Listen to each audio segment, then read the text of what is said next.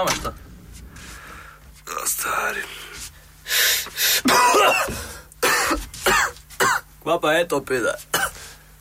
Indoor rash.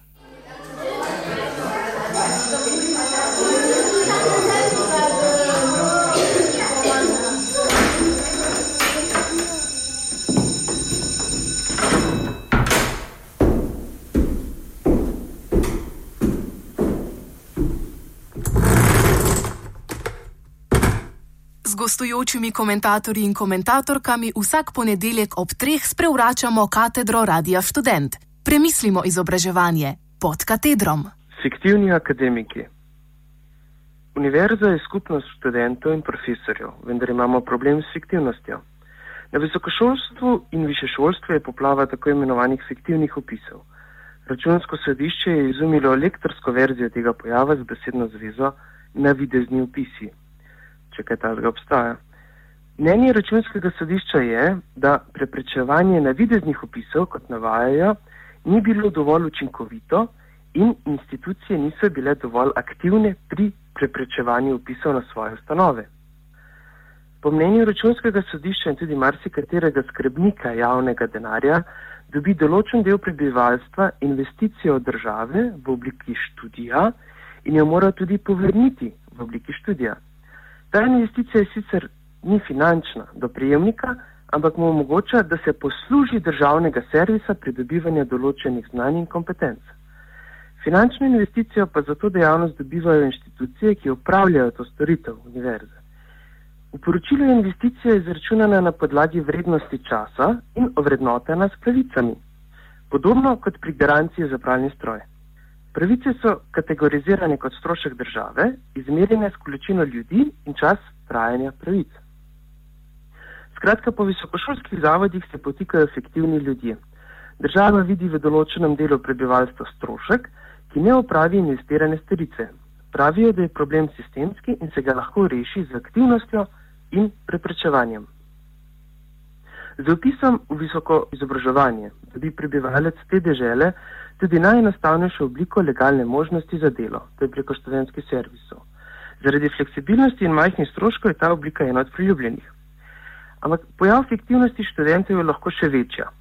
Dobro 4 milijone evrov proračunskega denarja dobiva Emuni univerza s sedežem v Portorožu. Ustanovljena je bila leta 2007 kot prestižno mednarodna univerza za medkulturno sredozemsko povezovanje. Ima že več kot 200 članov, v vodstvenih kadrih in strokovnih odborih ima več znanstvenikov iz različnih sredozemskih držav. Vendar ta univerza nima niti enega študenta. Emuni univerza nima problemov s fiktivnimi upisi, saj tudi ne potrebuje študentov in ne študentk.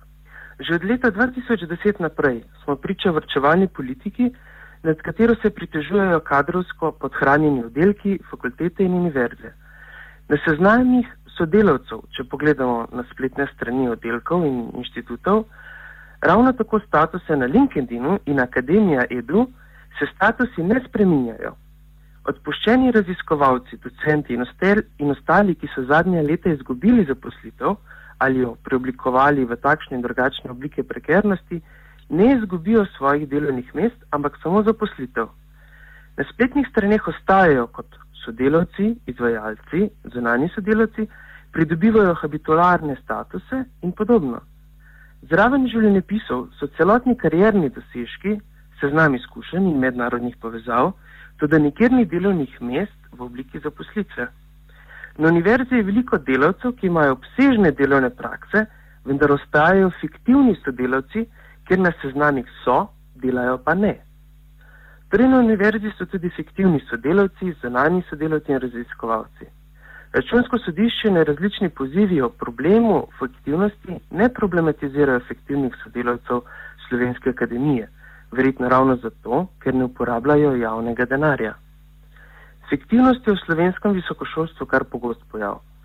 Nedavno je v medijih tudi završalo pismo Aleša Igliča in Janeza Jerovška o neopravičenih privilegijih članov SAZU.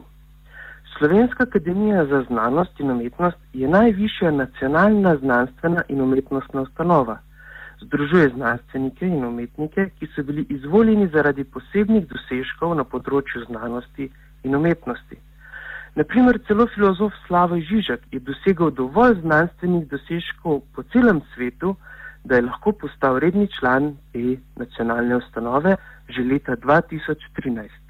V pismu avtorja kritizirata privilegiran staž slovenskih znanstvenikov, ki pa se ne zaslužijo takega finančnega priznanja. Kakorkoli, na koncu se politiki ministrstva vodstva univerze vedno ukvarjajo z denarjem, govorijo, da je znanost potrebna, da je znanost rešitev iz recesije in podobno. Vendar, če pogledamo zgodovino univerze, ni bilo nikoli tako. Sloj akademikov je bil profesionaliziran šele po drugi svetovni vojni in ne prej. Šele po drugi svetovni vojni so intelektualci polno zaposleni na univerzah, raziskovalnih in akademskih inštitucijah, ki jih je plačevala država.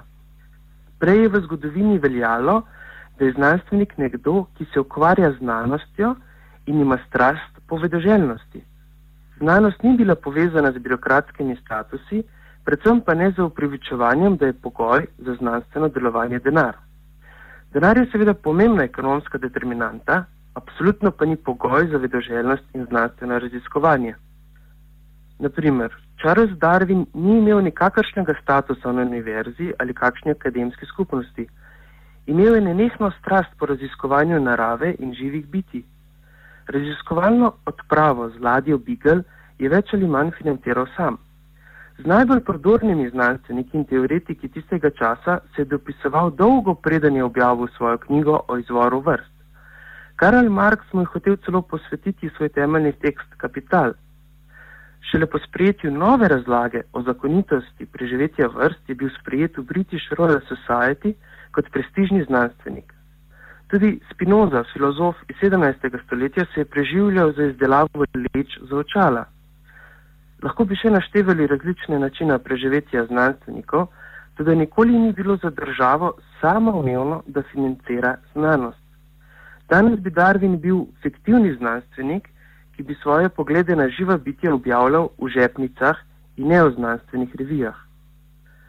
Predlog novega statuta na univerzi hoče obraniti preostale feudalne privilegije za vse tiste, ki so še ostali na univerzi, namesto da bi pripomogel k znanstvenemu delovanju. Če pogledamo 800-letno zgodovino univerze, je ta potrebovala za svoje delovanje skupnost, sestavljeno iz učencev in učenjakov, ter prostor. Prostor si izborila. Učenci so, pa čeprav fiktivni, Učenjaki pa imajo probleme s statusi, denarjem in plačami. Tisto, kar ostane na univerzi, pa je, da je fiktivna. Kot oddaljeni imaginari, ki se bolj ukvarja s politiko, namesto pa z raziskovanjem in izobraževanjem. Pravzaprav univerza že ima vse, kar potrebuje, le da tega noče videti. Mogoče bi se lahko preobrazila v to, kar bi naj bila, to je skupni prostor delovanja, razmišljanja, učenja, branja in raziskovanja. To pa ni tako fiktivno, to je celo mogoče. Cenim pobude akademikov in intelektualcev, ki zahtevajo več od države ali koga drugega, da bi pokazali slo, svojo veljavo v družbi. Vendar je v tej prošnji zelo nevarna zanka.